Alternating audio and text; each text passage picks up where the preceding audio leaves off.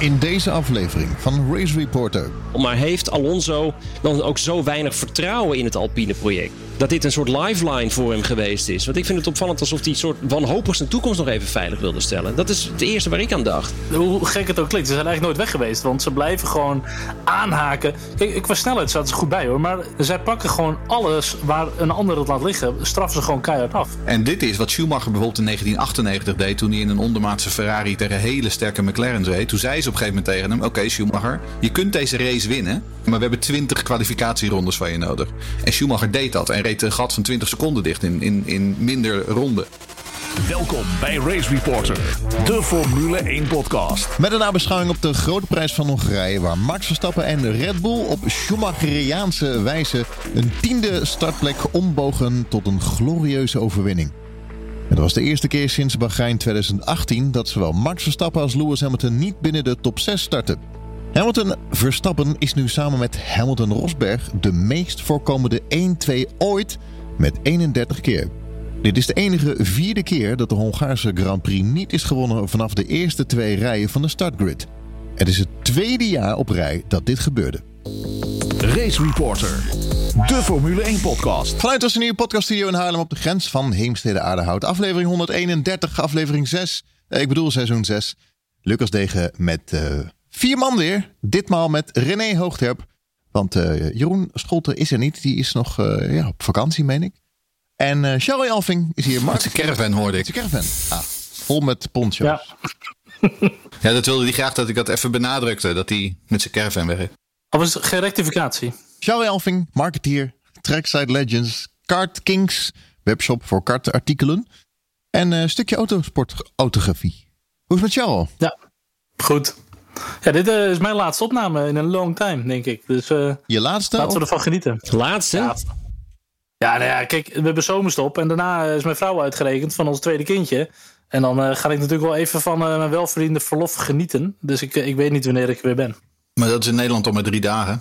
Ja, ja. Joran hebben we al aangeschoven. Autosport, schrijver van onder andere Volgas Magazine NRC. En bezig met een boek.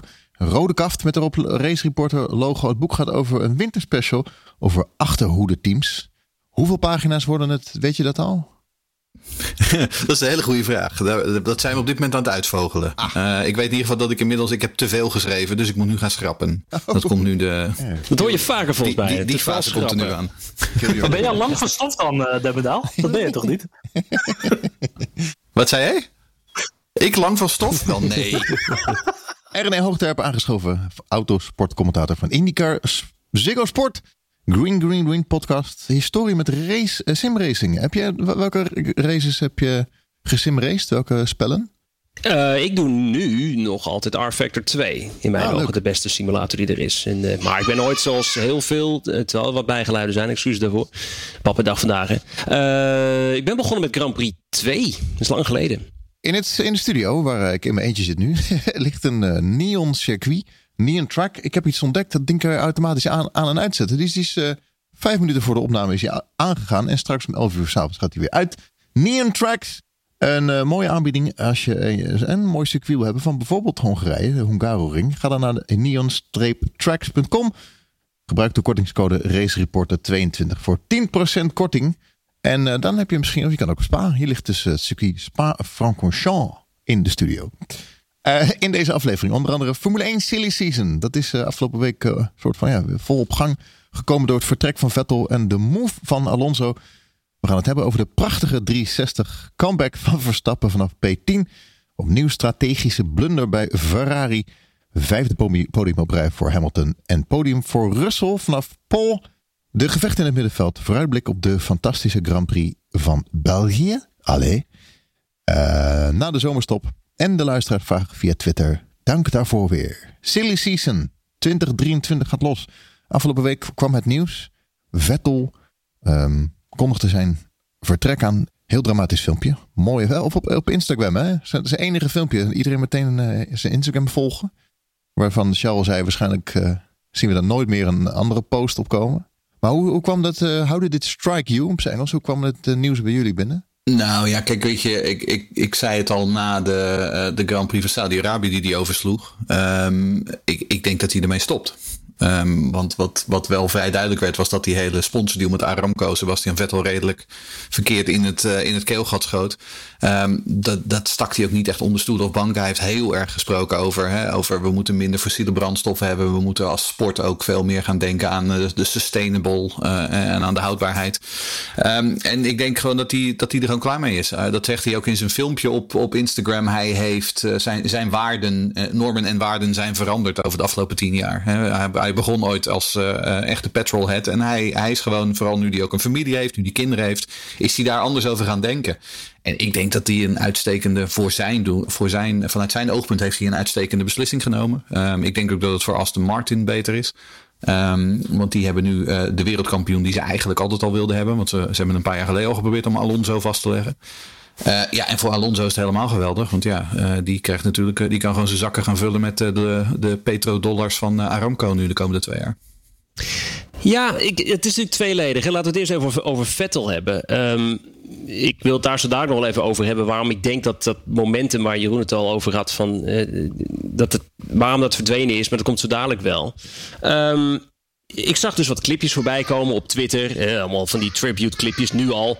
En voor mij staat, en dat spreek ik namens mezelf natuurlijk, maar voor mij staat Vettel gewoon synoniem voor Red Bull. Ik bedoel, ik zie in die clipjes ook die rode Ferrari overal voorbij komen. En dan denk ik, en dan denk ik echt zoiets van.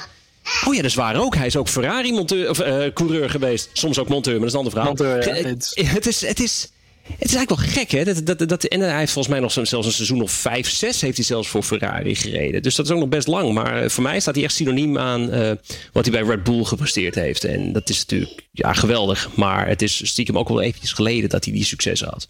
Grappig, uh, ik vind altijd de tweets van, uh, van Charles leuk over, over Alonso. Waar die allemaal mee gereden heeft. Ik had vandaag ook even zitten kijken aan de hand van jouw tweet, uh, Charles. Maar er zijn al zeven -hmm. teams die niet meer in de Formule 1 dezelfde naam hebben. Sinds de, de entree van Alonso. Benetton is ja. er niet meer. Prost bestaat niet meer. We gaan er zo meteen allemaal nog uitgebreid over hebben. Natuurlijk ook de fantastische Grand Prix. Uh, en natuurlijk de strategie van Ferrari. Komen we zo meteen op. Een vraag binnengekregen meteen. Een hele leuke vraag van Roos Zinnige aan uh, Jeroen Demmendaal. Ja, die vraagt hoe lang denken jullie dat Alonso het volhoudt bij het team dat draait om zijn slechtste teamgenoot sinds Alex Young? Uh, nou, en wie uh, nog maar vrij, nog maar vrij recent kijkt. Alex Young was dus een, uh, een, een, een coureur uit Maleisië. Die zich ooit met een heleboel centen van de overheid van Maleisië inkocht bij Minardi. en was dus inderdaad in dat eerste jaar van Alonso was dat teamgenoot. Uh, op een gegeven moment verdween hij ook. En toen kwam Tarzo Marquez ook nog even naast Alonso zitten. Ja, Tarzo Marquez, die mogen jullie ook googlen. Um, nou, ja, weet je, ja, maar dit is het. Kijk, ik bedoel, ik, de, als je dan dat, dat ronkende persstatement vanochtend leest. En uh, weet je, Alonso zegt van ja, ik, ben, ik, ben echt, ik heb echt zin om weer bij een team te gaan zitten wat aan de voorkant van de grid meedoet. En dan denk ik van ja, nou, ik weet niet wat je jezelf moet vertellen. Um, Zoals ik het begrepen heb uit de tamtam en uit de wandelgangen, is het zo dat Alpine hem wel degelijk een aanbieding heeft gedaan. Het enige is alleen dat Alpine niet de hoofdprijs wilde betalen, omdat ze Piastri achter, uh, de, achter de hand hadden. Um, en Aston Martin, um, waarbij volgens mij vooral de leiding van Aston Martin heel graag een wereldkampioen in die auto wilde hebben. Ja, dan blijven er niet zoveel over als Vettel ermee stopt. En Verstappen en Hamilton gaan nergens naartoe. Dus die hebben Alonso gewoon de hoofdprijs geboden.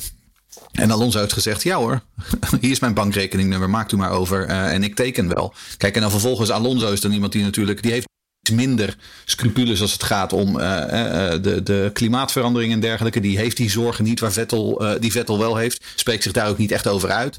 Ja, dus ik, in die zin denk ik dat um, Alonso een hele goede partner is voor Aramco en Aston Martin. En hij gaat Lance Stroll natuurlijk volledig om zijn oren rijden.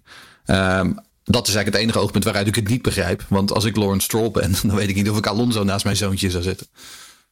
Wat ik, wat ik eigenlijk ook niet begrijp uh, is. Kijk, deze deal is in, denk ik, zo'n vier dagen is hij beklonken. En dan vraag ik me dus ook echt oprecht af. Dus ik, ik begrijp het dan in die zin wel. Maar heeft Alonso dan ook zo weinig vertrouwen in het Alpine project? Want eh, los van die contracteisen. Ik heb begrepen dat uh, Alonso wil nog voor twee jaar bijtekenen. De Alpine top wil misschien maar één jaar doen. Misschien niet zoveel betalen. Maar dat, dat hij misschien toch dacht van: oh jee, ik kan dus misschien toch vervangen worden dat dit een soort lifeline voor hem geweest is. Want ik vind het opvallend alsof hij soort wanhopig zijn toekomst nog even veilig wilde stellen. Dat is het eerste waar ik aan dacht. Dat, dat vind ik ook wel een beetje het probleem van Alpine. Ik denk dat ze initieel rijders best prima kunnen overtuigen van een hele planning, mooie presentaties, alles wat ze willen gaan bereiken. Maar in de praktijk, als je daar zit, weet je donders goed, die gaan nooit uh, met topteams zomaar meedoen. En het blijft gewoon Renault. Het blijft gewoon uh, Frans, waar we toch vaak zien dat het gewoon ook niet helemaal goed georganiseerd is. Geen goede betrouwbaarheid. En ze hebben simpel gezegd ook geen enkele teams waar ze verder nog aan kunnen leveren. Dus qua motoren ook. Ja, je gaat het toch gewoon afleggen tegen de, de grote fabrikanten, denk ik. Uh, is het goed nieuws voor Latifi? Of gaat Sergeant nu naar Williams? Dan is de vraag, wie gaat er bij Williams rijden nu? Eerlijk gezegd, het, uh, het interesseert mij eigenlijk niet zo heel veel wie er gaat rijden. Het klinkt misschien een beetje suf, maar laten we eerlijk wezen. Als Nick de Vries Hè, die wordt dan ook genoemd. Uh, dat geloof ik gewoon niet, dat hij gaat rijden. Daarom vind ik het ook minder interessant. Maar uh, Logan Sargent, uh, daar heb ik wel een hoge pet van op hoor. vorig jaar in de Formule 3 bij een waardeloos team. Nadat hij last minute een, nog een deeltje kon sluiten. Van Prema af naar Charous uit mijn hoofd. in ieder geval geen, geen topteam. Ja. Je ziet meteen hoe goed hij was in, die, in die auto. Een paar keer podium gepakt, zelfs overwinning. dit jaar meteen naar de Formule 2. En doet het meteen heel erg sterk. Ik moet zeggen, ik heb niet heel veel Formule 2 kunnen kijken. Maar uh, als ik het dan ook gewoon eventjes uh, zie dat hij dan er gewoon goed bij staat. In een niet al te best veld, oké. Maar hij staat er wel eventjes. Dus ik zou hem het Sargent heel erg gunnen. Maar zijn probleem is altijd al geld geweest. Nu weet ik niet in hoeverre Williams echt een geldschieter nodig heeft. Zoals een Latifi.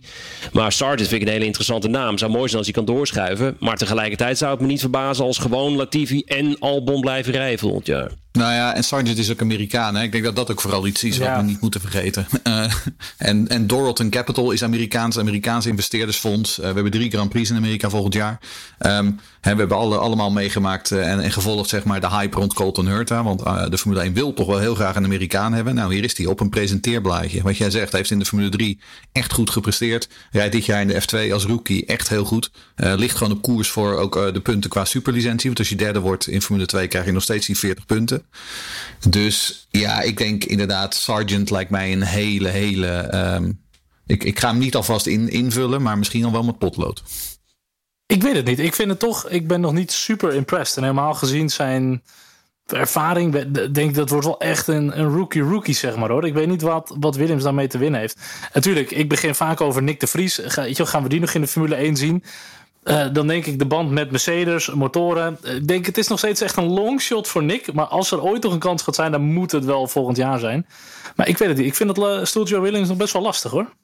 En Ricciardo, wat gaat hij doen? Hij heeft natuurlijk een contract nog voor vorig jaar bij McLaren. Maar we hebben het hier al vaak over gehad. Er is natuurlijk niet echt vervanging voor. Maar gaat die er blijven? Ja, nee? Ik denk dat dit meer een vraag is voor Demmendaal. Die zit iets meer in, uh, in, de, in de, de, pool van McLaren. Uiteraard ook wat ze met de IndyCar doen. Eh, wie ze allemaal onder contract hebben. Feit blijft denk ik dat McLaren op dit moment aardig wat talent en aardig wat rijders onder contract heeft. En wie ze maar gaan neerzetten, ja, dat is natuurlijk... De grote vraag, denk ik. Ik heb geen idee, als ik heel eerlijk ben. Um, ik, ik dacht enige tijd, uh, een tijdje terug nog, dat misschien Piastri wel gewoon bij McLaren zou eindigen. Uh, nou, dat gaat dus niet, dat gaat denk ik gewoon niet gebeuren, want die gaat gewoon nu bij Alpine instappen. Um, en ja, dan hebben ze inderdaad die Palo nog hè, in, in IndyCar, de regerend kampioen. Uh, maar daar gaat op dit moment een enorme juridische strijd over. Want de vraag is of het überhaupt wel een, een geldig contract is. Um, om heel eerlijk te zijn, misschien dat het voor McLaren wel de veiligste route is. Om gewoon nog een jaartje Ricciardo in die auto te laten zetten. En dan per 2024, dan uh, zou je inderdaad wel gewoon een flinke shuffle kunnen krijgen. Maar uh, op dit moment, um, ik, ik denk inderdaad dat Ricciardo, die ook wel echt wel heel duidelijk heeft aangegeven van ik heb een contract en ik ben absoluut niet van plan om dat in te leveren of me daaruit uit te laten kopen. Uh, dat het ook gewoon te duur wordt voor Zack Brown om hem uit te kopen als hij dat echt wil. Dan is het goedkoper om gewoon nog een jaartje te laten zitten en dan per 24 een shuffle te doen, denk ik. Voordat we echt aan de race gaan beginnen, uh, een vraag gekregen van Henk Kiel en die vraag ik mij ook, ook dat af. Het is uh, silly season bij de circuits.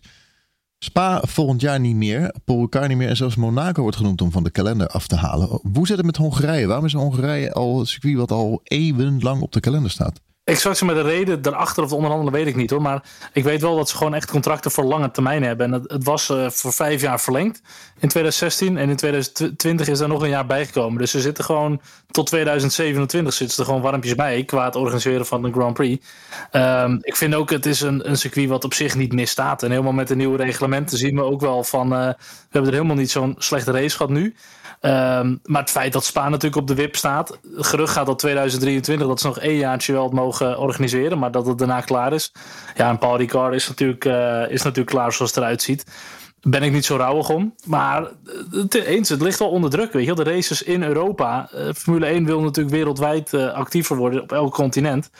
Ja, er moet wat, moet wat geschrapt gaan worden.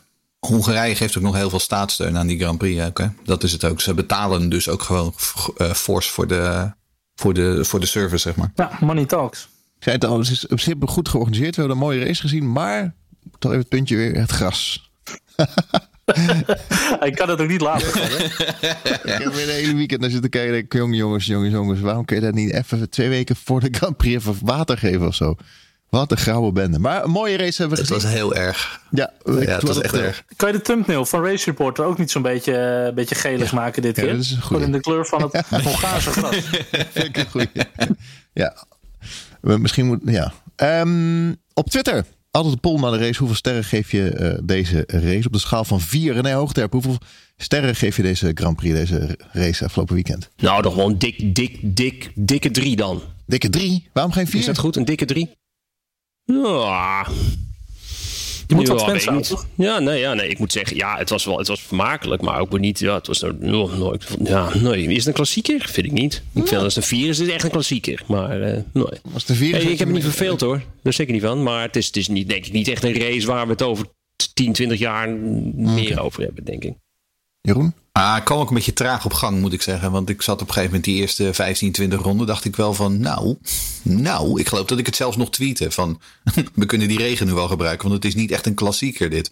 Nou, en toen had ik dat ongeveer de wereld ingestuurd. En op dat moment barstte natuurlijk de gekkigheid los. Dus in die zin, um, ik, ik, ik doe dat vaker. Dan jinx ik dingen nog wel eens. Dus dat is in de. Ik zei ook ooit dat Sergio Perez kampioenschapskandidaat was. Nou, weet allemaal hoe dat afgelopen is. Um, maar eh, ik, ik vond, eh, wat dat betreft, ik ben deze met René. Ik, een, zeker een 3,5. En ik moet wel zeggen, ik bedoel, Verstappen rijdt vanaf P10 naar P1. Um, ehm, de deconfituren van Ferrari. Ik bedoel, in die zin, ik vond het wel echt een ik dacht even van, nou, we gaan nu die strike of die streak doorbreken, zeg maar, van echt hele fascinerende races. En uiteindelijk werd het wel gewoon echt een fascinerende race. Ik denk wel dat deze in het jaaroverzicht toch wel weer uh, hoog uh, op de nominatie staat, hoor, wat dat betreft. Terugdenken, terugpraten. Mercedes na dramatische vrijdag, een dubbel podium. Ik zei het eigenlijk al, ja, iedere opname. Ik dacht, Mercedes gaat terugkomen. De Charles, zijn ze terug nu? Nou ja, nee, ze zijn eigenlijk, hoe gek het ook klinkt, ze zijn eigenlijk nooit weg geweest. Want ze blijven gewoon aanhaken. Kijk, qua snelheid zaten ze goed bij hoor. Maar ze hebben altijd, ja, kruimels mag je het eigenlijk niet noemen wat Mercedes oppakt. Want die pakken gewoon podia's waar de rest faalt. Um, maar voor de topteams noem ik het gewoon kruimels. En zij pakken gewoon alles waar een ander het laat liggen, straffen ze gewoon keihard af. En onze vriend Broekie die tweette vrijdag al van uh, de slechtste vrijdag ooit voor Mercedes. Toen zei ik al, maar op zondag gewoon podium. En ze pakken gewoon weer een dubbel podium. Nee, ik heb er even naar gekeken. Lewis heeft zes keer op het podium gestaan. Charles Leclerc maar vijf keer, hè? En Lewis heeft ja, namelijk ja. de meeste punten bij elkaar gesproken op de afgelopen vijf races. Dus ja. je zegt ze zijn, ze zijn nooit weg geweest, maar Lewis is dit jaar wel op een ronde gezet. Nee, natuurlijk. Kijk, qua snelheid uh, hadden ze gewoon heel veel problemen met die purposing, met de setup. Uh, om daar een goede sweet spot te vinden. Uh, en ja, ze lijken er nu toch wel weer aardig bij te zitten. Ik vind ze qua snelheid nog steeds gewoon derde team. Maar wat ik zeg, ze zijn op elk ander vlak zijn ze gigantisch sterk. Ferrari verliest punten en aan aansluiting bij het kampioenschap. Nou ja, daar gaan we het zo meteen uitgebreid over hebben. Het was weer dramatisch.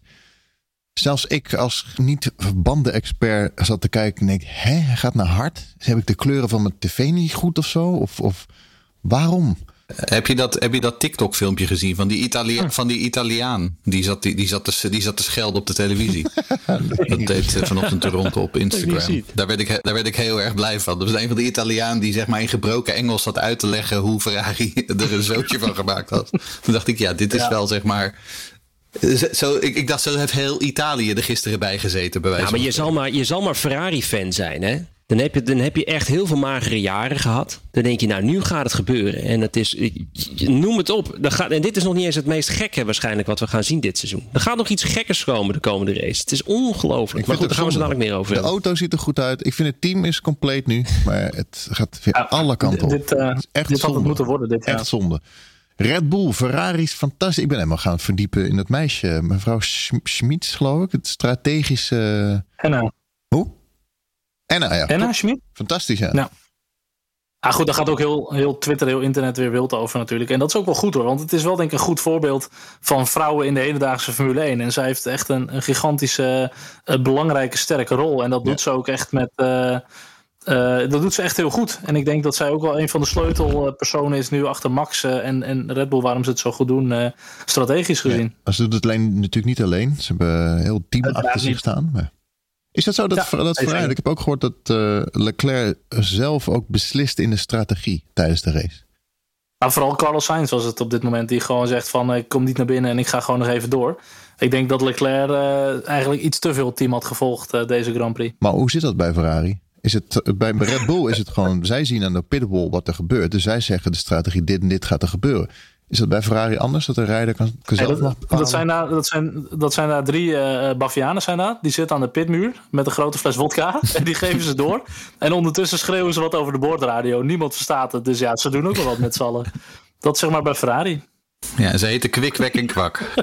Ook mooie, mooie, mooie gevechten gezien in het middenveld. Nee, maar ik bedoel, het is, het is maar het is voor Red Bull ook makkelijker beslissen natuurlijk. Kijk, weet je, als Verstappen, die, die krijgt een beslissing toegespeeld vanaf de pitmuur. En die weet gewoon dat dat solide informatie is. Maar als jij Sainz of Leclerc bent, je weet gewoon dat wat je ook toege in je oor gefluisterd krijgt, dat je het even zelf over, er ook over na moet denken of het wel, daar, of het wel klopt. Die jongens zijn natuurlijk ook door schade en schande wijs geworden. Dat is natuurlijk ook gewoon niet lekker rijden, lijkt mij, voor die gasten. Is uh, Hongarije bewijs dat de nieuwe regelgeving werkt? Komt dit door de nieuwe auto, nou de nieuwe... We hebben natuurlijk wel wat meer races gezien waarbij je gewoon ziet dat ze veel beter kunnen volgen. Dat ze langer kunnen volgen. Uh, dat het inhalen daardoor ook wat makkelijker wordt. Dus die banden worden niet meer zo snel opgevreten. Uh, die dirty air uh, is er natuurlijk altijd wel. Maar het is, het is beter te doen. En juist op zo'n circuit als dit, waar eigenlijk inhalen relatief moeilijk is, zag je toch echt wel wat inhaalacties. En zowel aan de binnenkant als de buitenkant, verschillende bochtcombinaties. Um, kijk, het is niet zo'n festijn als wat je wel eens met de IndyCar ziet. Maar ik vond hem absoluut niet slecht. Goed, vraag ben ik van Steven Vos.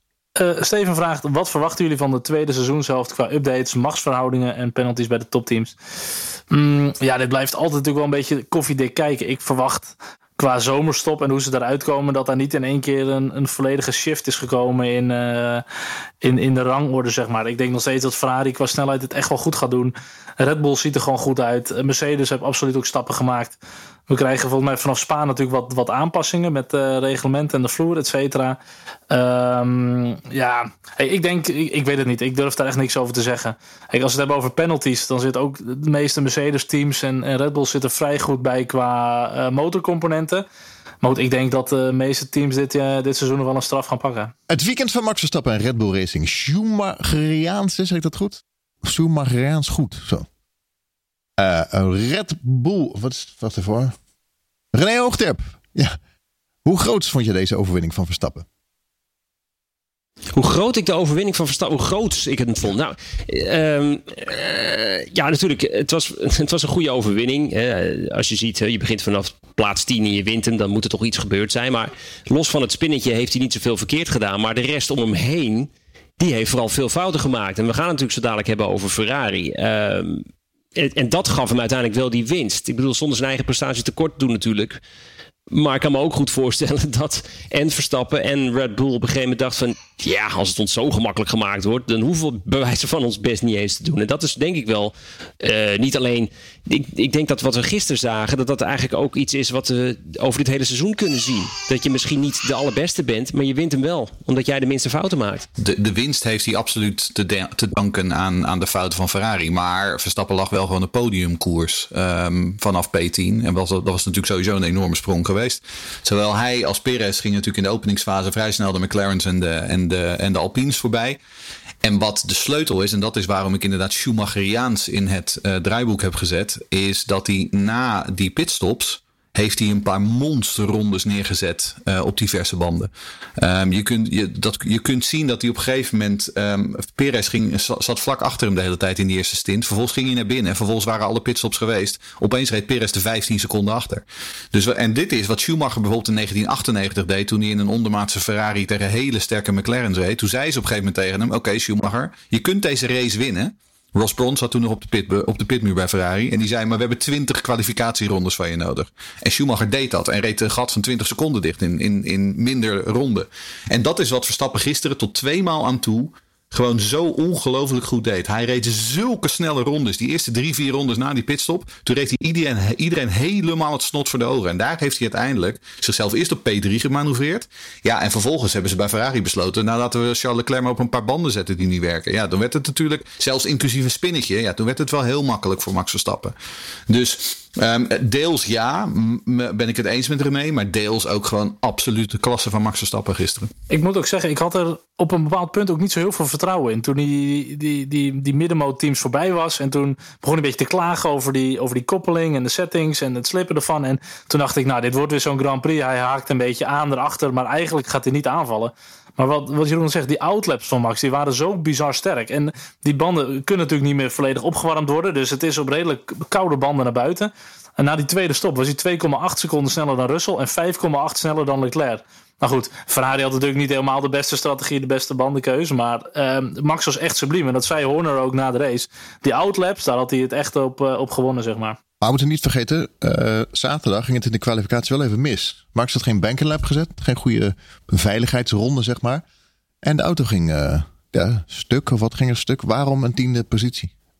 Uh, ik weet dat er een motorprobleem was volgens mij, maar dat, dat kan ook gewoon een sensordingetje zijn geweest. Ik hoorde wat uh, veel, nog wat. Het is vaak een sensording. Maar ja, uh, het maakt ook allemaal niet gek veel uit. Nou ja, dat maakt hem niet uit. Voor de komende nee, joh, hij wint toch? tweede helft van het seizoen, als die auto niet betrouwbaar is. Oh nee, maar dit was niet een, volgens mij was dit niet een echt, echt groot probleem. Volgens mij was dit gewoon een sensordingetje. Uh, nou ja, en als je dan toch gewoon die wedstrijd wint, ja, dat, dat maakt er niet zo heel veel uit.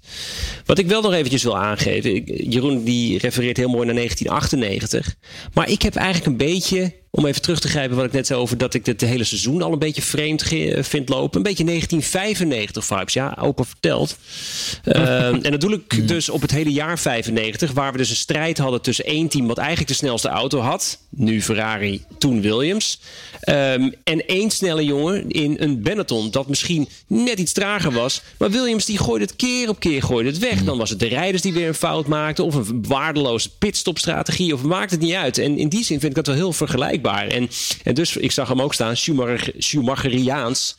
In die zin vind ik, hem, vind ik hem wel passend. Ja, goed hoor. In die zin, is, het was natuurlijk een geweldige race voor Red Bull en, en Verstappen. Maar vooral de concurrentie die het gewoon weer weggeeft. Hij deed dat natuurlijk, Schumacher destijds ook in Spa. Hè? Toen startte hij zelfs als 16e en toen won hij de wedstrijd nog.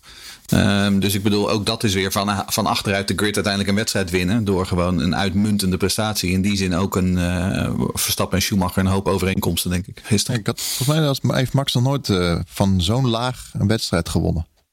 Vanaf 10. Nee, volgens mij niet. Nee. En ook nog spinnen. Laten we dat ook niet vergeten.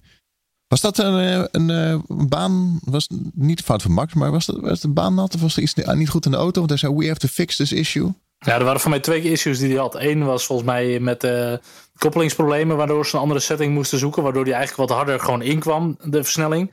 En hij had volgens mij nog een issue. Uh, ik weet niet meer precies wat dat was, maar uh, uiteraard, het is uiteraard maar simpel gezegd, Max maakt zulke fouten niet zomaar. Nee. Vaak is het toch, hij rijdt om de problemen van de auto heen. En ja, dan word je wel eens door zo'n momentje gepakt als die auto niet helemaal meewerkt of doet wat je wil.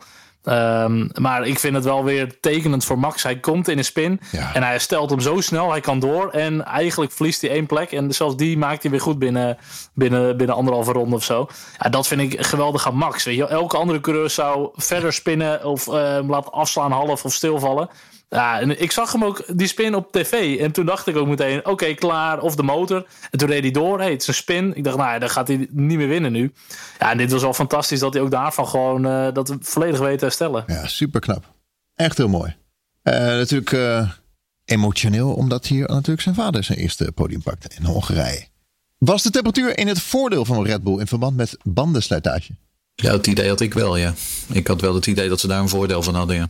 Het is natuurlijk op de, op de Red Bull Ring was het natuurlijk was er veel te doen om die bandenslijtage. Ik kan me voorstellen dat die koelere temperaturen uh, sowieso Red Bull heeft geholpen. Maar dat zou dan ook bij de concurrentie zo moeten zijn. Maar los of andere teams die juiste beslissingen nemen. Dan moet je zelf als auto slash rijder zijn. En die combinatie moet je de banden nog wel laten werken. En wat Charles zei over... Nou, ik dacht ook eerst dat het een, motorprobleem was of iets. Hè, dat die achterstevoren stond. Of een bakprobleem, noem het maar op. Maar ik dacht ook meteen van... Nou, die banden die zijn helemaal naar zijn grootje. Die moet meteen weer een extra pitstop maken. En dan mag hij weer helemaal opnieuw beginnen. Maar ook dat viel dus reuze mee. Dus dat, uh, nee... Uh. Ik denk ook dat met name de andere teams waren... die veel data vrijdag hadden vergaard. Met wat hogere temperatuur, met hoe de banden toen reageerden. En het was volgens mij op de zondag wat kouder. Dat was vrij bewolkt, een beetje regen in de lucht en zo. Ehm, en ik denk dat dat absoluut Red Bull geen windeieren heeft gelegd. Want die hadden hier wel de, de, de slijtage goed voor elkaar. Die konden daarom ook opteren voor medium, medium, soft. Wat eigenlijk Ferrari niet helemaal aandurfde. Ehm, maar goed, ik denk meer dat de andere teams daar net een beetje hadden gefaald. Een paar teams die toch uh, uh, met de harde band gingen testen, of een één stop of een twee stop. Ja, dat was hem toch niet uh, de harde band. Kijk naar de start. Hè. Perez die had een betere start dan Max. Die had op een gegeven moment drie auto's voor hem. Maar weet hij toch niet goed weer af te maken. Hoe, waar gaat het dan mis bij Perez? Hij kwam klem te zitten bij die, uh, die, die, bij die chaos in, uh, in, ron, in bocht 2-3, wat is het? Uh, en vervolgens inderdaad zat Verstappen net achter hem. En toen heeft hij gewoon het enige juiste gedaan. En heeft hij Verstappen er voorbij gelaten. En in die zin, kijk, ik denk dat ze het, de, hebben de teamorders en de kampioenschapskandidaat discussie. ik denk dat Perez inmiddels ook al weet hoe laat het is. En ik denk dat hij gewoon in zijn radio gefluisterd is van, ja, we gaan niet te veel, niet, te, niet te moeilijk doen nu. en uiteindelijk was dat natuurlijk gewoon de juiste beslissing. Want er is maar één coureur bij Red Bull die op deze manier vanaf de tiende plek een race kan winnen. En dat is niet Sergio Perez. Um, ik moet zeggen dat Sergio. Ik, ik, ik, vraag me af of er iets niet helemaal goed zit in die auto. Uh, we kregen ook een vraag van, um, uh, van onze grote vriend Fabian van Tiel. Die zei: Ik lees her en der wat geruchten dat Perez zou rondrijden met de vloer die Red Bull in Spa moet gaan inzetten. Um, en wat denken jullie van dit gerucht? En wat zal de nieuwe uh, technical directive teweeg brengen? Uiteindelijk was, was Perez in de trainingen gewoon een seconde langzamer dan Max Verstappen. Kijk, en we weten allemaal dat Max Verstappen beter is dan Sergio Perez. Maar doorgaans zit er geen seconde tussen die twee. Um, dus of er zat bij Perez, die had een, een riepje onder de leden. Of er zat gewoon in die auto iets niet helemaal lekker.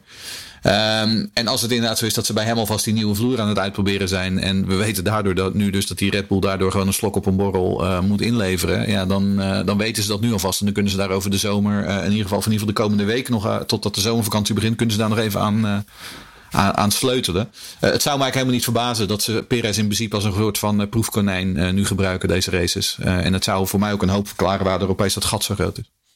Nou, dat laatste vooral. Uh, Red Bull die heeft een redelijk comfortabele leiding ook in het constructeurskampioenschap. Als die technical directive ook echt wel uh, aardig wat invloed gaat hebben op de vloer voor, voor Red Bull. Ja, dan zijn ze stom als ze dat niet voor de zomer gaan testen. En dat uh, nu kunnen analyseren en daarop vooruit kunnen werken in de sim en de setup, et cetera. Um, en de richting waarop de auto natuurlijk nu aan het bewegen is, dat ligt gewoon beter bij de rijstijl van Max. En gaat wat verder van de stijl van Perez af. Maar je ziet, hij, hij kan gewoon niet meer aanhaken op snelheid. Als je dat gat op een gegeven moment alweer zag. Uh, het gaat hard. Maar goed, uh, hij heeft zich als wingman uh, zijn dienst bewezen. Zowel met het snel de langs laten van Max. Evenals toen Max die spin had met ja. voor mij Russell toch aardig een beetje, een beetje in de knip houden. Waardoor Max uiteindelijk toch ja, niet nog een plek verloor. Dus nou, op zich heeft hij niet verkeerd gedaan.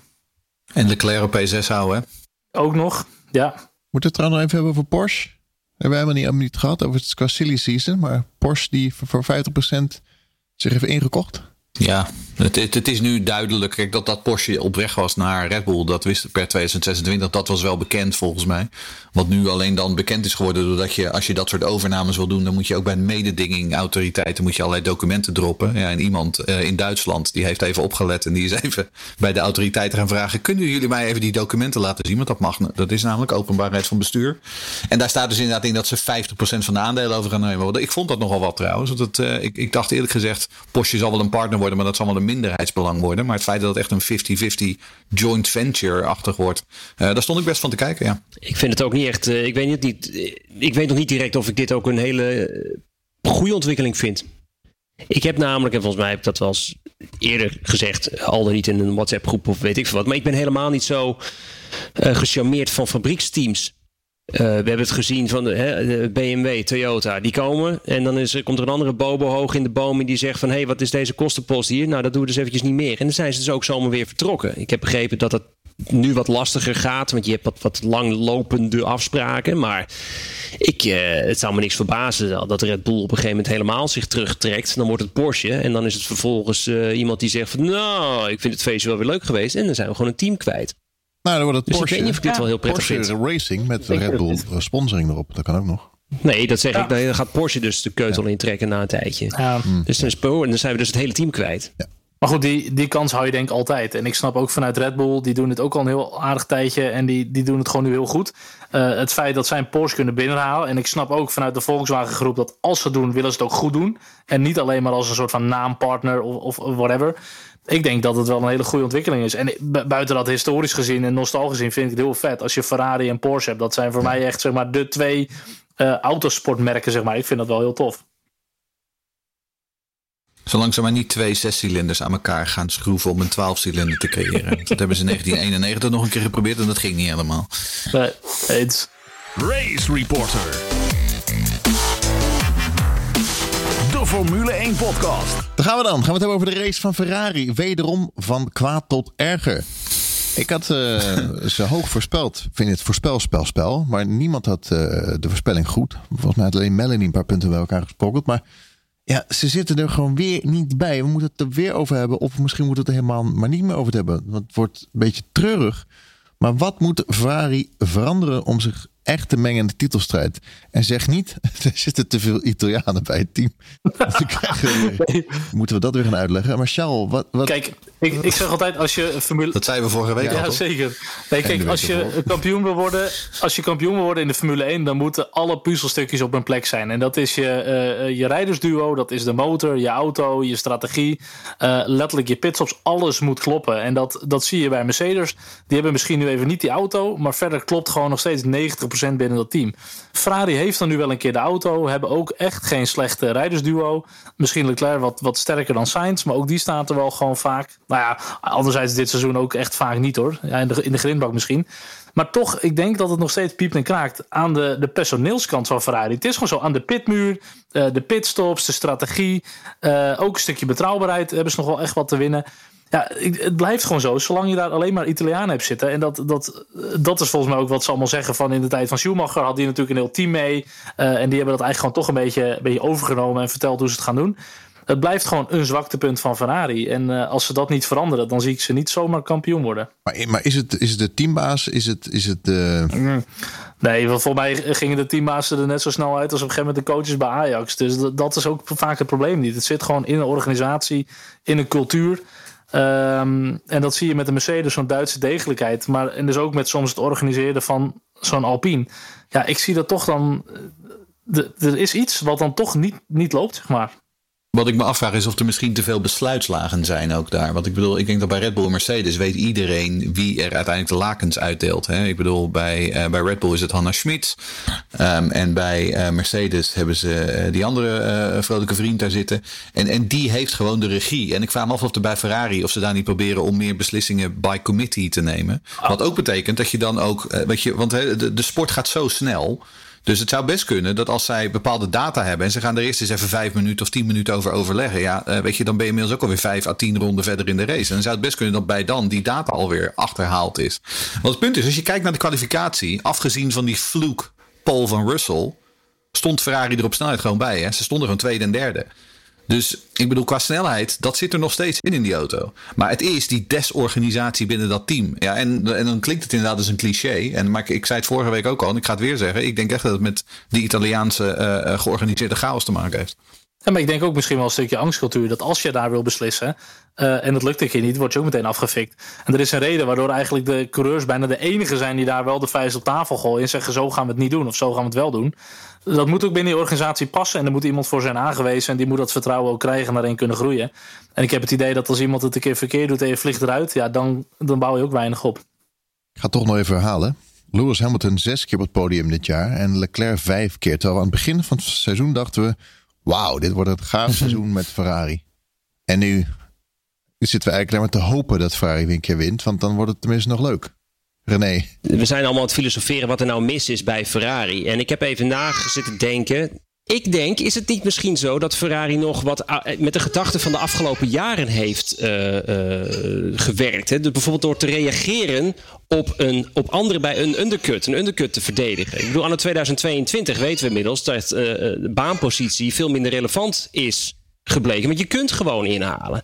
Is dan niet gewoon een soort oud patroon waarin Ferrari nog zit? Van, oh nee, we moeten die undercut verdedigen. Want dat was volgens mij de reden dat ze die tweede stop gingen maken. Terwijl die mediums nog helemaal niet kapot waren. Dat ik, misschien is dat gewoon, gewoon een ouderwets patroon van... oh ja, nee, oh, iemand, iemand gaat naar binnen. Nou, dan moeten we verdedigen. Ja, dat is precies wat ze wilden bereiken. Maar dan ging het volgens mij zelfs bij de eerste stop al mis. Dat Sainz die start op de mediums.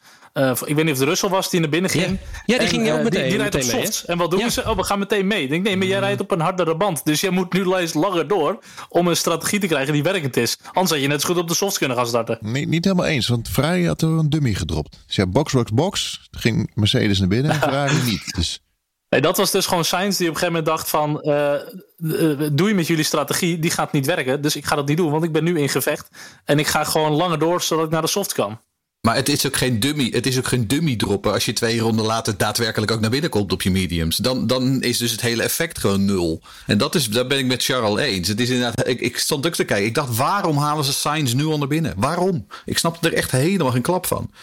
Um, ik, ik, zit, ik denk dat er wel wat in zit hoor met uh, René. Dat, uh, wat René zegt, dat inderdaad Ferrari nog steeds, zeg maar, die hebben gewoon de multimap van 2018 overgeslagen. En die dachten van nou, wat in 2018 werkte, dat werkt misschien nu ook wel. Um, en ik denk, ja, misschien dat ze ook gewoon, dat zou ik natuurlijk ook gewoon kunnen. Want we weten wel dat Red Bull vooral de laatste paar jaren echt stra strategisch heel sterk geworden is. Dat ze op dit moment gewoon de knapste kop van de hele paddock daar hebben zitten. En dat is ook voor Max Verstappen een enorm voordeel. Maar het, is, het is ook zo mooi om Red Bull nu. Dat, je ziet het ook gewoon dat ze vorig jaar kampioen zijn geworden weer. De stralen die rust uit. Max rijdt zo rustig, zo ja, zo. Ach, die hele, die hele synergie gewoon binnen Red Bull. De kopstukken die daar al zo lang zijn. als Max ook wint. Je hoort het over de teamradio. Ja, kijk, hun plukken nu echt de vruchten van het risico dat ze toen met Max hebben genomen. Wat ze allemaal hebben opgebouwd. Nou, ehm, ja, het is natuurlijk wel geweldig om te zien hoe zij daar nu uh, als team staan. Ik vind dat heel gaaf hoor. Je zegt het risico wat ze hebben genomen met Max. Maar laten we ook niet vergeten het risico wat ze hebben genomen met Honda. Want Wat is dat? Nee, maar goed, het is een, het is een wisselwerking van afhankelijkheid van elkaar. Ik bedoel, welk risico heeft Max ook wel niet genomen met Red Bull? Ook in de tijden dat het niet goed ging en dat het allemaal onbetrouwbaar was. Ja, en dat is wel mooi om te zien als het dan samenkomt. En je gaat die, die, die, die, die overwinningen, die rijg je aan één. En uh, zometeen hopelijk een tweede kampioenschap. En wie weet dat hij nog voor een derde of een vierde door kan gaan bij, bij Red Bull. Ja, dat zou natuurlijk wel geweldig zijn. Dat zou ze echt gegund zijn ook weer. Vraag gekregen van Ronald. Uh, Ronald vraagt: uh, Sainz staat nog maar 23 punten achter op Leclerc. Gaat de Spanjaard ook in punten eerste rijder worden? Nou, als ik dan puur kijk naar foutjes, dan vond ik Sainz uh, niet de meest consistente sterke rijder dit seizoen. Kijk, als hij vaker het heft in eigen hand gaat nemen en Leclerc die volgt blind de strategie van Ferrari, ja, kijk, 23 punten is niet extreem veel, maar ehm, ik denk dat bij Ferrari nog steeds Leclerc wel als de nummer 1 wordt gezien in, in hun groeibriljantje, zeg maar. Dus ik zie het niet zomaar gebeuren. Ja, en dan hebben we ook nog een vraag van Gillian. Die vraagt: Wat denken jullie wat Binotto gaat doen? Gaan er koppen rollen bij Ferrari? Um, nou, ik, ik denk eerlijk gezegd dat Binotto zich zorgen moet gaan maken dat zijn eigen kop uh, over de straat gaat. Want um, kijk, uiteindelijk is Binotto natuurlijk ook gewoon een. Die is aangesteld door het bestuur van Ferrari. Binotto is niet degene die daar de scepter zwaait. Um, ik denk dat Binotto uh, aan het einde van het seizoen zelf nog wel eens zou kunnen gaan vertrekken. Want het feit is namelijk dat Max Verstappen op dit moment 80 punten voor staat. Dat Max Verstappen drie Grand Prix over kan slaan. Gewoon thuis kan blijven. Een extra lange zomervakantie kan nemen. Um, en dan komt hij terug en dan staat hij nog steeds aan kop van het kampioenschap. Um, met nog negen races te gaan. Ja, ik, weet je, als je zoveel geïnvesteerd hebt in die nieuwe auto. Uh, als je zo overduidelijk de snelste, het snelste concept hebt. en je, exec je execute niet op deze manier. Ja, ik denk uiteindelijk dat dan uh, misschien uh, Binotto zelf nog wel eens ten onder zou kunnen gaan. aan het einde van dit seizoen. Het is gewoon echt, ze kapitaliseren gewoon niet de snelheid die ze hebben. En dat is echt, echt hard om te zien. En ook dat Binotto dan tijdens de race al vertrekt van de pitmuur. Dat zijn vaak tekenen die niet heel erg sterk zijn. En ook na de race liet hij ook weten. Slechte optics ook, hè? en ook na... Dat hij wegloopt. Ja, zo slecht. Zo slecht beeld. Het geeft een heel slecht beeld. Maar goed, ook na de race gaf hij aan dat de simulatiedata niet overeenkwam hoe die harde band zou werken en dit en dat. En weet je, dat is gewoon het probleem. Ze kijken gewoon naar simulatie. Er is geen beslissingsfactor daar. En ze denken, ja, die harde band. Eh, de cijfers zeggen dat die harde band moet gaan werken. Ja, en in de praktijk, jongen, je stuurt gewoon je rijders gewoon op podium, op overwinningskoers naar buiten op een zo'n foute strategie. Ja, je, dit kan gewoon niet op dit niveau. Iedereen wist gewoon, dat zag je ook in de cooldown room met Hamilton. Die zegt van, hè? Gingen ze op de, op de harde banden buiten? En zie je Max, ja, weet je wel.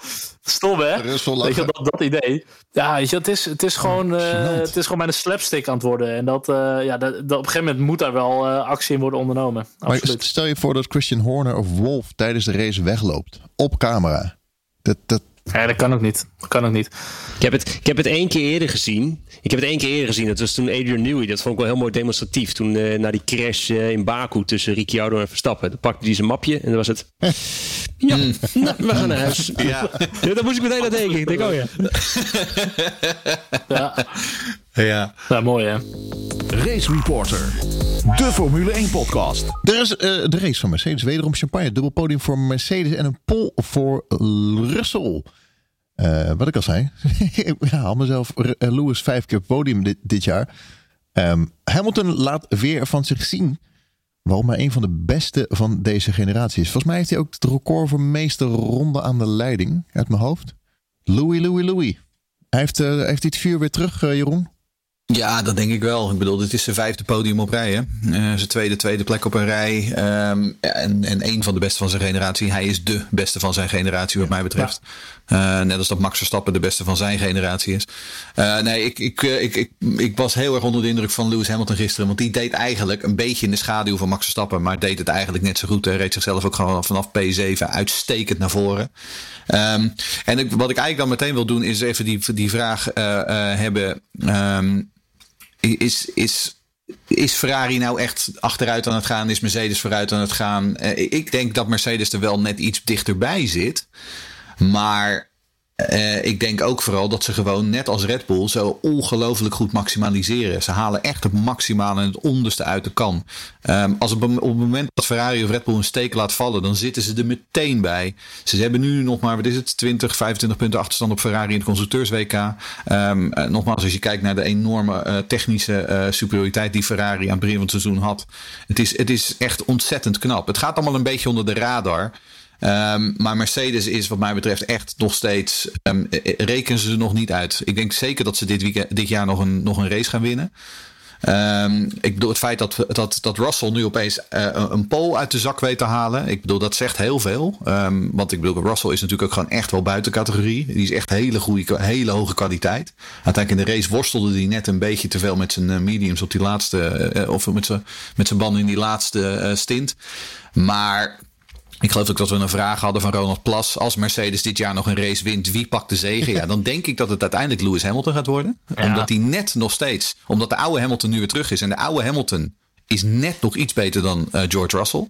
Maar het zou zomaar kunnen dat het ook een 1-2 wordt. Want George Russell zit er wel heel dicht achter. Lewis uh, die zei ook meteen over de teamradio toen de race af was. Van, uh, als ze van Paul hadden kunnen vertrekken. Of de startrijden zei dan had ik hem gewonnen. En ze hadden natuurlijk ook dat probleem met de DRS. Maar ik vind het te zwart-wit om te zeggen dat als Lewis dat niet had gehad. Dat hij Paul had gepakt. Want die ronde van George was ook echt heel goed. Maar feit is wel, stel ze hadden gewoon van 1-2. En dat is allemaal als-als hoor. Maar stel ze hadden gewoon van, van de, de hele front row kunnen starten. Ja, dan had die race voor Mercedes er nog veel gunstiger uit kunnen gaan zien hoor. Maar ik, ik vind het de, de leuke versie van Lewis ook. Ik vind hem gewoon nu veel. Ja, alsof hij er veel meer van geniet ook. Hey, great, great work by the team. We worked so hard. Dan zie je die helm, de druppeltjes erop. Ik, ja, ik had er goed voor. Vond het leuk. Ja, we hadden hadden daar een begin van het seizoen ook over. Hij, we hadden echt het idee, tenminste in ieder geval ik, maar ik geloof dat het allemaal wel over eens waren. Hij moest er echt even aanpassen aan de nieuwe rol van Mercedes. Aan het feit dat ze niet meer de snelste waren. Aan het feit dat die auto gewoon eh, best wel een, handful was. En iemand als Russell, die natuurlijk uit de Williams kwam, ja, die dacht nog steeds, joh, ik word iedere race vierde, ik vind het prachtig. Um, en je merkt nu dat nu de tweede helft van het seizoen begint. Uh, en je merkt gewoon dat hij nu echt weer zijn, zijn, zijn, jeu, zijn, zijn jeu gevonden heeft. En dat hij uh, ja, weer, weer de, oude, de oude Lewis Hamilton is. Um, en, en de oude Lewis Hamilton is, wat jij zegt, veel en veel leuker. Ja. Uh, omdat hij ook ten eerste gewoon uitstekend rijdt. Omdat hij beter in zijn vel zit. Omdat hij echt geweldige ambassadeur voor deze sport is. Um, dus ja, ik ben heel erg benieuwd hoe dat na de zomerstop in die laatste negen races uit gaat pakken. Want uh, ja, als Mercedes zo doorgaat, dan denk ik absoluut dat ze nog een race Zeker. winnen. Ik vind ook wel dat we misschien nog onderschatten de, wat voor klap die heeft gemaakt. Natuurlijk de laatste race vorig jaar. Ik denk dat dat nog best wel... Hij was heel lang offline. Oh, absoluut. Af. Ik denk absoluut. dat er echt nog een paar races ja? uh, erin heeft gezeten bij hem. Ik ben blij om te zien dat hij weer terug is.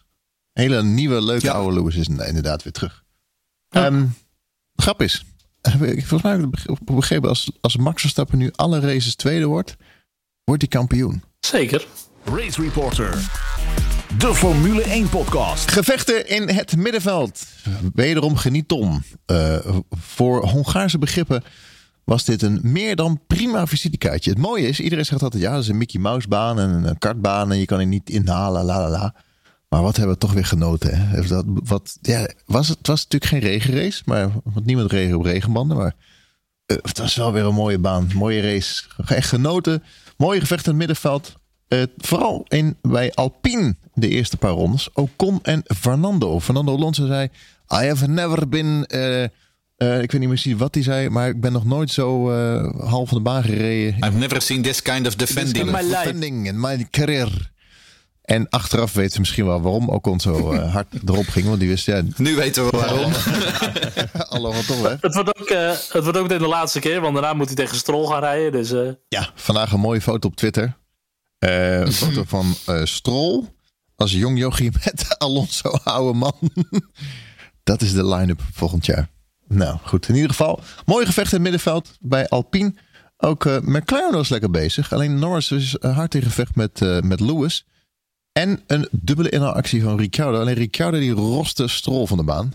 Uh, vraag gekregen van Thijs Jansen. Ja, die uh, vraag: was dit een 10 seconden opleving van Ricciardo met zijn fantastische inhaalactie op beide Alpines? Of zou er nog meer in zitten dit jaar? Zo jammer dat hij de rest van de race onzichtbaar was. Nou, kijk, dat is het natuurlijk wel een beetje. Als, uh, ja, het was inderdaad een leuke inhaalactie. Maar als we het echt met een vergrootglas dat moment moeten pakken van, en dat gaan bejubelen vervolgens, dan zegt dat ook wel weer genoeg. Ricciardo heeft eigenlijk hetzelfde wat in mijn ogen Sebastian Vettel uh, ook last van had slash heeft. Uh, dan wil ik toch eventjes Vettel terughalen. Vettel was natuurlijk superieur in die geblazen V8-periode uh, van 2009 tot 2013. Geblazen als in de diffuser dan. En dan ongeblazen motor. Nou goed, begrijp je wel. Vettel is eentje die echt houdt van een stabiele achterkant. En je zag in 2014, toen notabene Ricciardo en Vettel teamgenoten waren. Als die continu niet meer zo stabiel is, dan is Vettel ook niet meer zo stabiel in die zin. En eigenlijk heeft hij dat dan ook niet meer teruggekregen. Met die bredere auto's vanaf 17. dan ging het dan misschien wel wat beter. Maar nog altijd was de rijstijl echt anders. En daar denk ik dus ook, en dan kom ik terug bij Ricciardo. Ik denk dat bij Ricciardo dat ook zo is. Ricciardo was juist weer superieur in die laten we zeggen, de 2016 spec auto's. Uh, lekkere glibberen, een beetje glijden. En dat zit er gewoon niet meer in in deze auto. Het is lomp, het is zwaar, het is stroperig. Het is uh, veel meer uh, een, een lange rotatiebocht maken in plaats van gewoon lekker kunnen hoeken. En, en ik denk dat dat Ricciardo dat gewoon niet, niet, niet, niet trekt. Dat valt helemaal niet binnen zijn rijstijl. Dus ik, het is leuk hoor dat hij dan eventjes die Alpines pakt. Maar ik, ik verwacht niet dat, uh, dat een, een, een, update aan de McLaren dat dat hem gaat helpen. Ik ben echt bang dat het gewoon een kwestie is van dat deze generatie auto's hem niet ligt. En dus gaan we niet heel veel meer van hem verwachten. Ben ik echt, ja, ben echt, ben echt bang voor. En jammer hoor, want het is wel echt een, een leuk figuur. En altijd uh, lolletje. En ook in de tijd bij Red Bull. Dat is echt genieten hoor. Maar ook toen op de baan. Die echte die late lunches van hem. Dat late remmen, weet je wel. Echt, was echt fantastisch. Kon je echt van genieten. Ja. Uiteindelijk ook natuurlijk wel Vettel verslagen daar. En, en ik denk uiteindelijk bij Max dat hij dacht in die, in die tweede rijderrol ga ik me niet schikken. Ja, het is wel echt, uh, ik vind het wel zonde hoor. Ja, en daarom moet hij natuurlijk ook gewoon in IndyCar gaan. Want daar kan hij gewoon weer lekker gooien en smijten met die auto's. Ja. Ik denk dat dat IndyCar veel beter bij zijn rijstijl zou passen. Dus als Zack Brown, uh, die moet hem even overtuigen. Het probleem is natuurlijk, ik denk dat hij in IndyCar niet het riante salaris krijgt wat hij op dit moment in de Formule 1 krijgt. Dat zal nog wel de grootste, het grootste struikelblok zijn. Ik vraag me altijd af, is altijd als, als, als en achteraf. Maar wat als hij bij Red Bull was gebleven? Maar goed, dat zullen we natuurlijk nooit. Oh, dan, dan, ja, nou, dan, was Red, nee, maar dan was Red Bull uh, vorig jaar constructeurkampioen geworden. Ja. Ja. Onder andere. En het jaar, daarvoor misschien. Maar dat is het dan ook. Ja. ja. Aston Martin. Nou, Vettel die, uh, die gaat dus uh, vertrekken. Gaat hij nog gemotiveerd zijn? Want op zaterdag knalde hij de muur.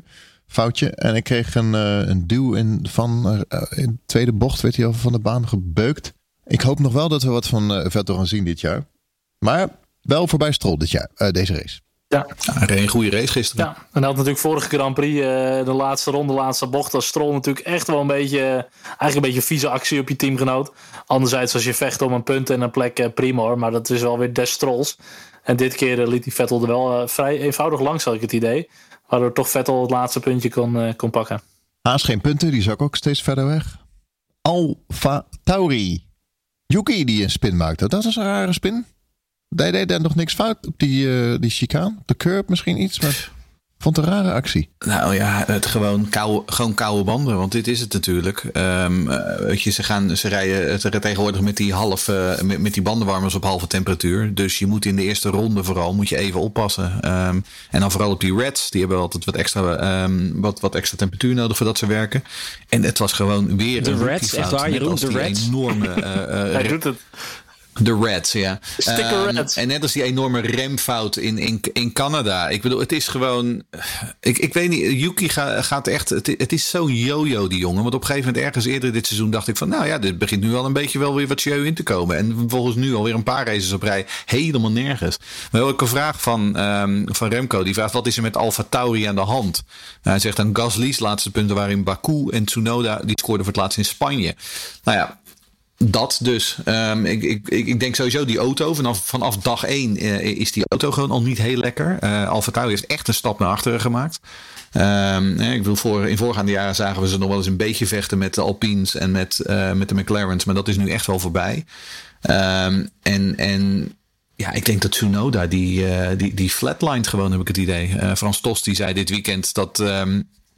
dat een, een, zeker een derde seizoen nog wel nodig is voor Tsunoda voordat hij een full-blown Formule 1 coureur is. Dan denk ik van nou, en misschien nog wel een vierde en een vijfde.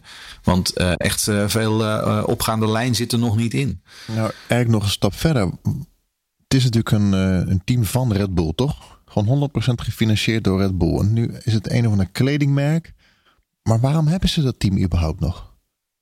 Wat, wat, moeten ze ermee? Ja, maar ja, dat is opleidingsinstituut. Dat is wat ze ermee willen. Ja. Alleen, het punt is natuurlijk dat ze op dit moment. Ze hadden natuurlijk Yuri Vips in de. Dat was, dat was zeg maar de, de, hè, het, eh, de, de troonopvolger voor Alfa Tauri. Nou ja, die heeft zichzelf nu buitenspel gezet. En als je verder kijkt wat er nog achter zit in die Formule 2. Eh, een Los, een, een, een Daruvala, een Hauger. Ja, die zijn ook nog niet klaar voor de Formule 1. Dus ze zitten nu ook wat dat betreft. Dat is ook de reden dat ze Gasly waarschijnlijk verlengd hebben. Omdat ze helemaal geen twee Red Bull juniors hebben die ze daarin kwijt kunnen. Het is op dit moment gewoon een beetje dunnetjes.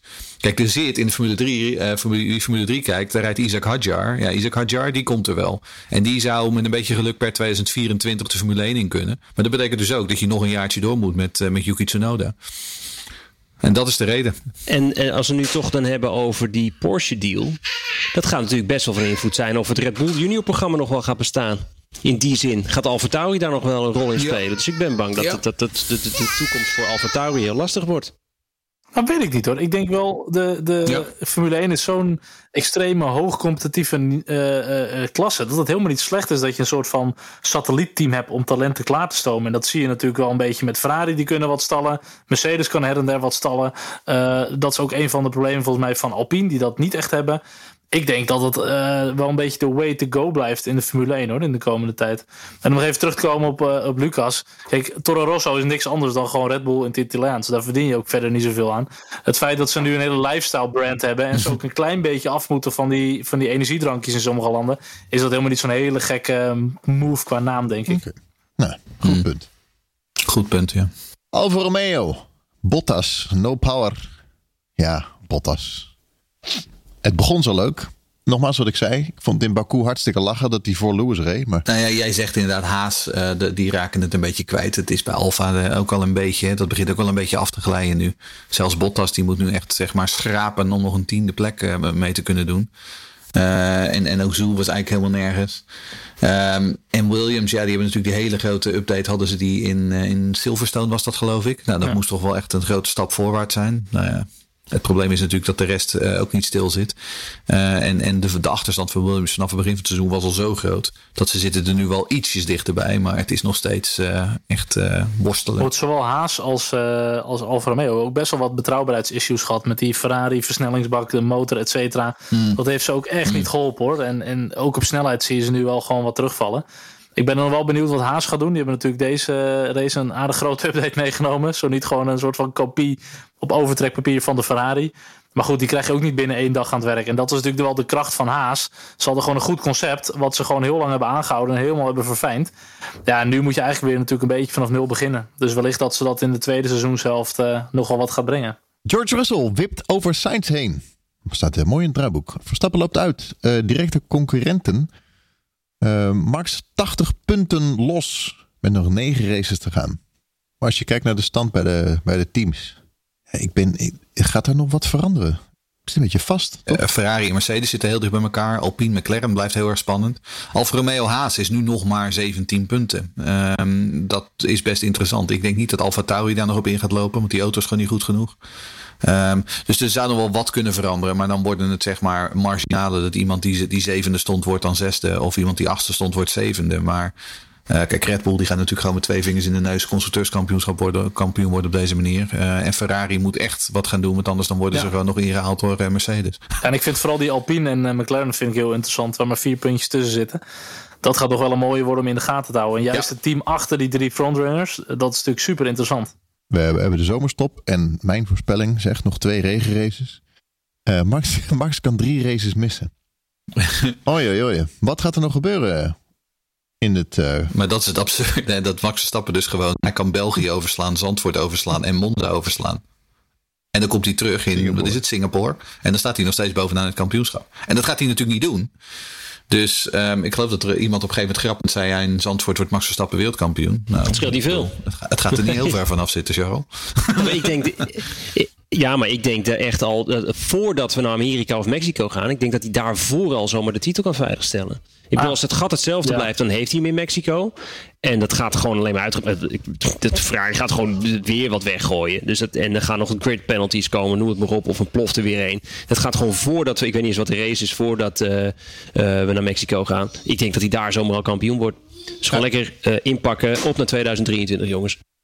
Hij was is dat een beetje pessimistisch? Ik durf het nog niet eens aan om te zeggen, Max, wanneer wordt die kampioen? Omdat uh, Ferrari zo goed deed in Oostenrijk. En ze zeiden, Red Bull zei ook, Ferrari gaat er ja. over heen walsen. Dus ik dacht, Ferrari gaat het goed doen in Hongarije. En dan weet het nog niet met het kampioenschap. Maar Nee. De afgelopen weekend. Maar wat zal zeggen, dat, dat Max kan gewoon drie races missen. Maar dat gaat hij niet doen. En als je dan die triple header die we na de zomer heeft, als je die gewoon goed afsluit. En dan niet te veel punten verliest. Ja, dan begint het kampioenschap echt wel aardig op slot te zitten. Want je hebt steeds minder races. Uh, het wordt heel lastig. Maar goed, uh, alsnog is er genoeg om van te genieten. En ik vind het ook helemaal niet erg om redelijk tijdig gewoon te kunnen gaan genieten van het kampioenschap van Max. Lekker met de biertje achterover gewoon races kijken. Gewoon weten dat hij twee keer kampioen is. Ja, en dan kunnen ze natuurlijk daarna ook nog even ouderwets. Uh, want als je kijkt naar uh, Perez, die staat nog maar vijf punten achter op Leclerc. Ja. Ik bedoel, dan laat je Perez nog een paar races winnen. Dan, kan, ja. uh, kun je nog een 1-2 in het rijderskampioenschap. en de focus kan ook lekker vroeg dan naar volgend jaar worden verlegd. En dat is natuurlijk ook wel echt een hele mooie positie, wat jou heel veel kan opleveren. En dat heeft natuurlijk Red Bull die luxe niet altijd gehad. Die echt tot het gaatje moesten om, om te gaan vechten om het kampioenschap. Ja, dat zou voor volgend jaar natuurlijk een, een mooie start kunnen zijn. Ik zit even hard op na te denken. En dat is een slechtere, slechte, slechte eigenschap misschien. maar ik zit even. Je hebt toch nu toch dat die windtunnel, dat die uh, windtunneltijd, dat die wordt gebaseerd op basis van je positie in het kampioenschap. Ja. Stel dat er een situatie is dat Mercedes denkt, nah, ja. we hebben centjes zat. Laten we maar gewoon derde blijven. En niet tweede worden. Even hard op nadenken. Tot volgend jaar. Maar goed, even ik een weet, niet wat het verschil, ik weet niet wat het verschil is qua inkomsten. Ik weet niet wat het verschil is qua inkomsten in prijzengeld. Ja, het zal, het zal royaal zijn. Daar hangt ook nog een hoop van af. Hè? Want je krijgt. Wat het verschil tussen tweede en derde, als dat weet ik veel 30, 40 miljoen dollar is, ja, dan weet ik niet of ze, of ze zo ja. denken in uh, Brackley. Maar als het 5 miljoen is, ja, dan zou je kunnen denken van, nou, het zou, uh, het, het, zou mooier zijn als Red Bull kan zeggen van nou die 2022 auto, dat komt wel goed. We zetten alvast die 2023 auto in de windtunnel. Gewoon um, met de tijd die we nog voor dit jaar hebben. Ik denk dat René wel gelijk. Ik denk dat Ferrari al een paar races geleden zo is gaan denken. Van joh, we willen man die uh, eerste worden.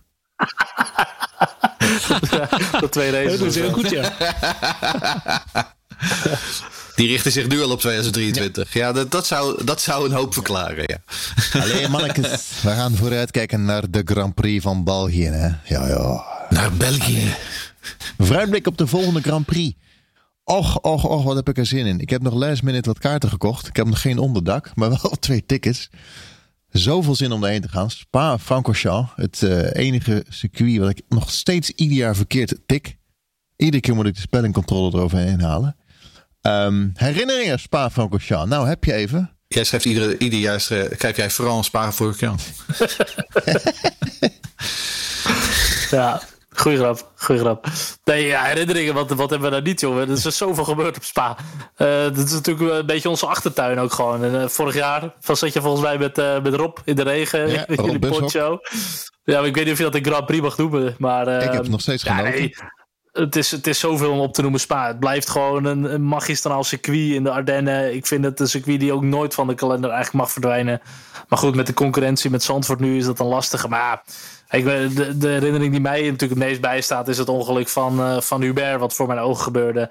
Maar goed, ook daar gewoon heel veel mooie herinneringen zelf mogen maken met de Formule 2 en, en Russian Time en zo.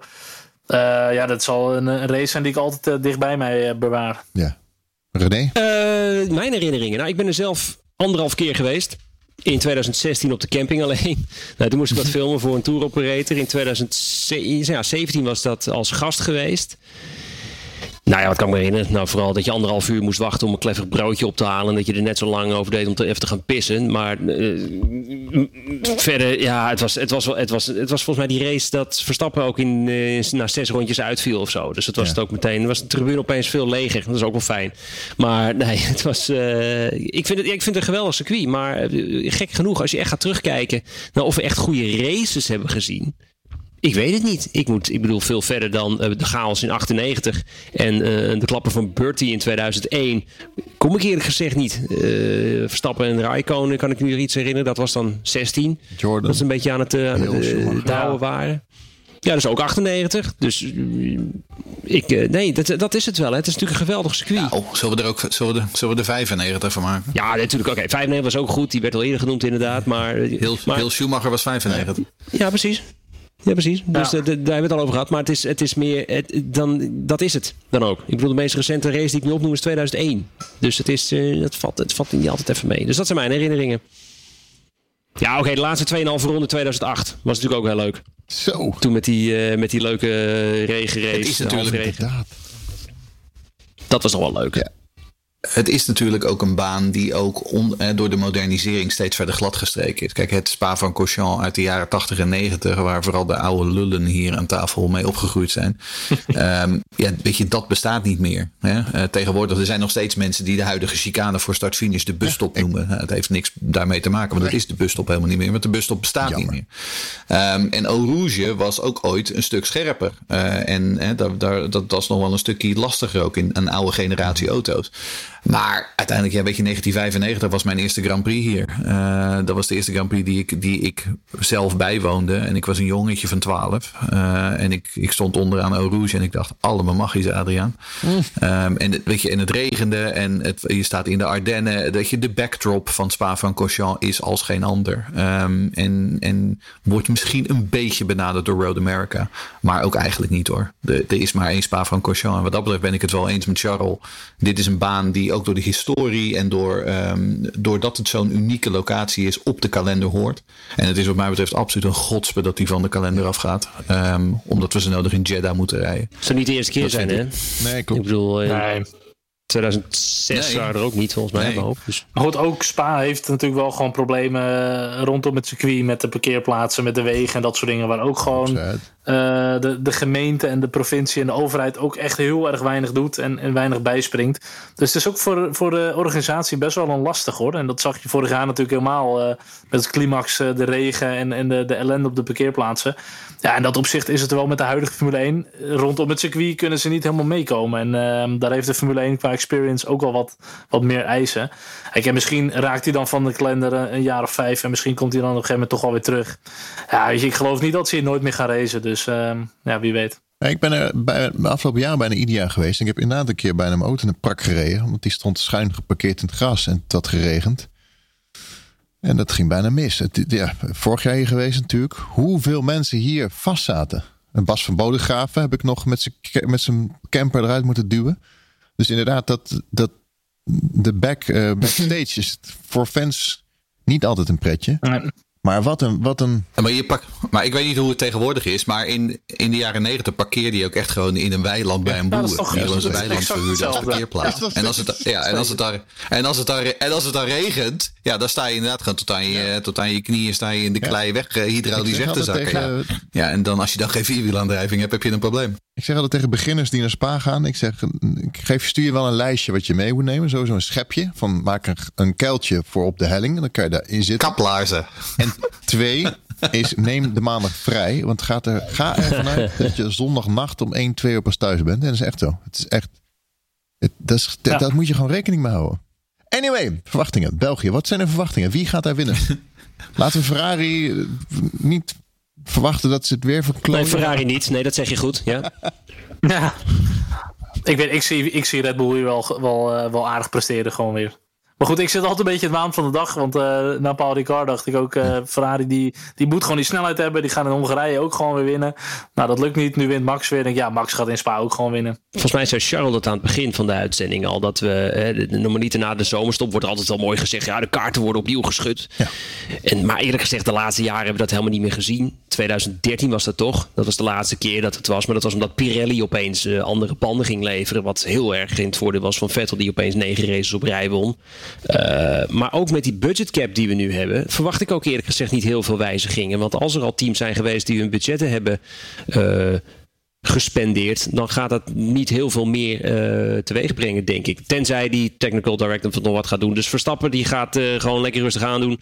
Die gaat wel winnen hoor, dat wel. Leclerc denk ik op 2, Sainz op 3 en ik moet de nummer 10 ook voorspellen, toch? Ja.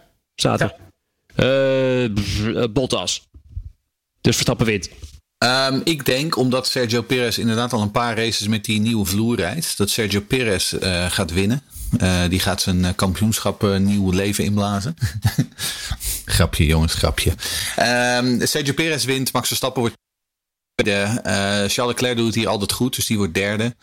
En tiende wordt um, Mick Schumacher. Al gehad? Nee, toch? Nee, Lucas, jij was dat eerst in het draaiboek. Oh, Oké, okay. ik denk zet het er gewoon eens een keertje in. Dan kun je mij kopiëren. Uh, doe je dat eerst dan. Verstappen, Hamilton. Oh, jullie, halen natuurlijk, jullie houden natuurlijk punten bij. Bij ja. jullie gaat het ja, ergens om natuurlijk. Ja, ja, Sainz, ja, Charles heeft al twee keer gewonnen. Nou, dus nee, het gaat Hamilton, nergens om verder. Maar. Gasly, tiende. Kijk René, als je goed voorspelt, dan kun je deze bekers winnen. Waar Lucas gigantisch jaloers op is. Ja. Dus die is van alles aan het proberen om het bij mij af te pakken dit jaar. Het is jammer dat het geen visual radio is, maar het wordt een enorm vulgair groot ding, zie ik nu opeens. Ja, dat is niet normaal. Het past er gewoon niet, niet in normaal, dat ding, joh. Helemaal die Jeetje. van uh, 2021. Die is echt huge. Maar goed, uh, ik zeg uh, 1 Verstappen, 2 Leclerc, 3 Perez en 10 Vettel. En Jeroen Scholten heeft uh, voorspeld Verstappen, Hamilton, Leclerc en tiende Ricciardo. Wie gaat er naar uh, Spa van jullie? Nou ja, buiten, de, buiten het COVID-jaar, dat natuurlijk niemand welkom was, is het voor mij echt uh, voor de eerste keer in lange tijd dat ik niet ga. Ah. Maar goed, uh, daar heb ik absoluut tevreden mee gezien mijn, ja. mijn planning aan het einde van de zomer. Dus niemand gaat. René gaat niet, Jeroen gaat niet? Ik ga ook niet, nee. nee. nee. Oké. Okay. ik heb een kleine meetup geregeld. Ik ga tussen de vrije training 3 en de kwalificatie op de fanzone met wat mensen afspreken. Ga daarvoor voor meer informatie naar f1podcast.nl slash meetup. Um, kwalificatie. Zaterdag de 27 augustus. Dat duurt nog wel even. Om 4 uur. En de race de 28e om 3 uur in de middag. De Grand Prix van België. Oh, daar heb ik daar veel zin in. Heb je al een uh, weersvoorspelling? Ik denk regen. Sterker nog, ik hoop regen. Och, als er één hele weekend waar ik regen wil, is het wel Spa. Echt waar. Daar wil je gewoon regen hebben. Ja, eens. Ik had van mij vorig jaar toch nog tribunekaartjes toe voor je gehosseld. Ja, dat je even klopt. niet in de regen hoeft te zitten. Ja. Arme Lucas. Dank aan Dennis ook. Broekie. Ja. Top. Race Reporter. Race Reporter wordt mede mogelijk gemaakt door een aantal leden. Menno Turksma, Martin Verduin, Rens Verberne, Bas van Bodegraven, Niels de Boer, Ron Hazelbach, Hugon Elbersen, Jan-Joost Volmer, Jasper Heijmans, Jarno Dijkstra, Menno van der Veen, Ewout Albrecht, Kevin Rijmert, Maarten Ewertse, Rowdy Rabouw, Remco Zoon, Chris, Niels, Karin en Frank Telen. Nieuwe leden, Simone Prins, Alex Nijenhuis, Ramon Kok, Ferry van Den Bree, Rob de Voogd en Wietse Baas. Dank jullie wel. Aantal superdonateurs. Annelies Bier, Ties Roodhart, Lotte Luiten, Etienne Peters, Chris van Ditshuizen, Daan Legrand, Harry de Groot en Misa Kommer. Support Race Reporter. Ga naar f1podcast.nl en klik op lid worden. Word lid van Race Reporter en houd deze podcast in de lucht. Uh, dank jullie wel, heren. Dankjewel, René. Helemaal goed. Fijne Ja, graag gedaan. Fijne zomer allemaal. Fijne zomer. Wat gaan jullie doen in de, in de, in de vakantie? Werken. Plannen, schilderen, schuren, baren, Werken. om. Ik ben op vakantie geweest helaas. Dank jullie wel. Goed mannen.